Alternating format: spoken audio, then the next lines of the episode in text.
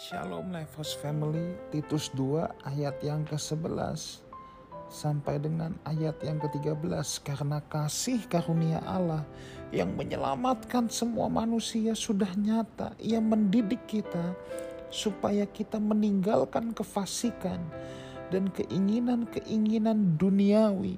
Dan supaya kita hidup bijaksana, adil dan beribadah di dalam dunia sekarang ini dengan menantikan penggenapan pengharapan kita yang penuh bahagia dan penyataan kemuliaan Allah yang maha besar dan juru selamat kita Yesus Kristus yang telah menyerahkan dirinya bagi kita untuk membebaskan kita dari segala kejahatan untuk menguduskan bagi dirinya suatu umat kepunyaannya sendiri yang rajin berbuat baik. Saudaraku, ada banyak orang yang berdebat tentang kasih karunia.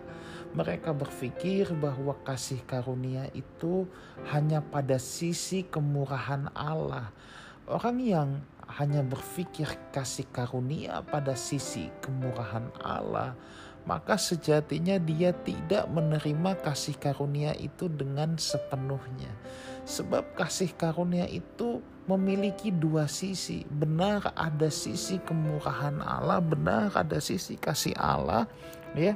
Makanya di ayat yang ke-11 karena kasih karunia Allah menyelamatkan semua manusia sudah nyata itu sisi kemurahannya. Tetapi di ayat yang ke-12 ia mendidik kita supaya kita meninggalkan kefasikan dan keinginan-keinginan duniawi supaya kita hidup bijaksana, adil, dan beribadah di dalam dunia yang sekarang ini. Nah, satu sisi lain dari kasih karunia adalah kasih karunia juga mendidik kita. Kasih karunia menuntun kita, mengarahkan kita supaya kita meninggalkan kefasikan kita, supaya kita meninggalkan cara-cara hidup yang tidak sesuai dengan kehendak Tuhan.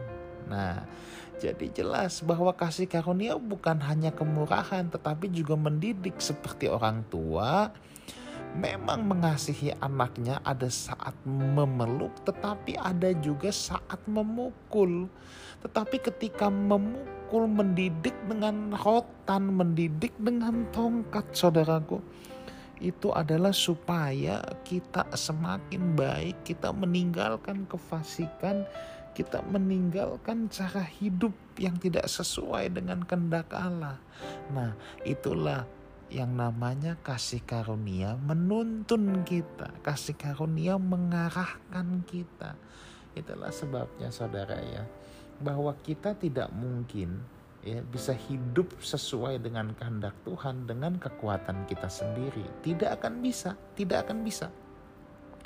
Orang akan gagal, tetapi seperti yang sudah saya katakan ya sebelumnya bahwa kasih karunia yang memampukan kita. Jadi apabila kita bergumul dengan kelemahan-kelemahan kita, ayo dong kita datang pada salib Kristus. Kita datang pada salib Kristus, kita memohon anugerahnya untuk memampukan kita. Nah, mungkin saudara mendengar ini mistis, tapi tidak mistis saudara. Kenapa? Karena ketika kita terus datang kepada salib Kristus, cinta itu akan bertumbuh, cinta itu akan bertumbuh. Ada banyak orang pikir hanya aku berjuang untuk taat, aku berjuang hidup benar. Rasanya ada yang salah. Sebenarnya tidak salah dengan perjuangan taatnya. Tetapi sebenarnya yang harus diperjuangkan itu cintanya dulu. Sebab ketaatan tanpa cinta itu berat saudara tapi ketaatan dengan cinta itu mudah. Ya kalau misalnya ya zaman dulu masih pacaran gitu ya. Itu kalau pacar minta apa pun gampang, nggak berat. Kenapa? Karena ada cinta. Coba kalau nggak ada cinta, dia minta apa pun juga berat. Orang lain yang kita nggak kenal tiba-tiba minta kita sesuatu berat kita tapi kalau ada cinta itu jadi mudah. Makanya ketika kita berhubungan sama Tuhan, kita datang ke salibnya, cinta itu bertumbuh. Kalau orang ketemu intens saja itu rasa ke rasa sayang itu pasti bertumbuh sama kalau kita datang ke salib Kristus. Ya kita memohon anugerahnya ya. Satu dari sisi Tuhan. Tuhan memberikan kekuatan dari sisi kita. Ketika kita menumbuhkan cinta kita kepada Tuhan maka ketaatan itu bukan lagi hal yang berat.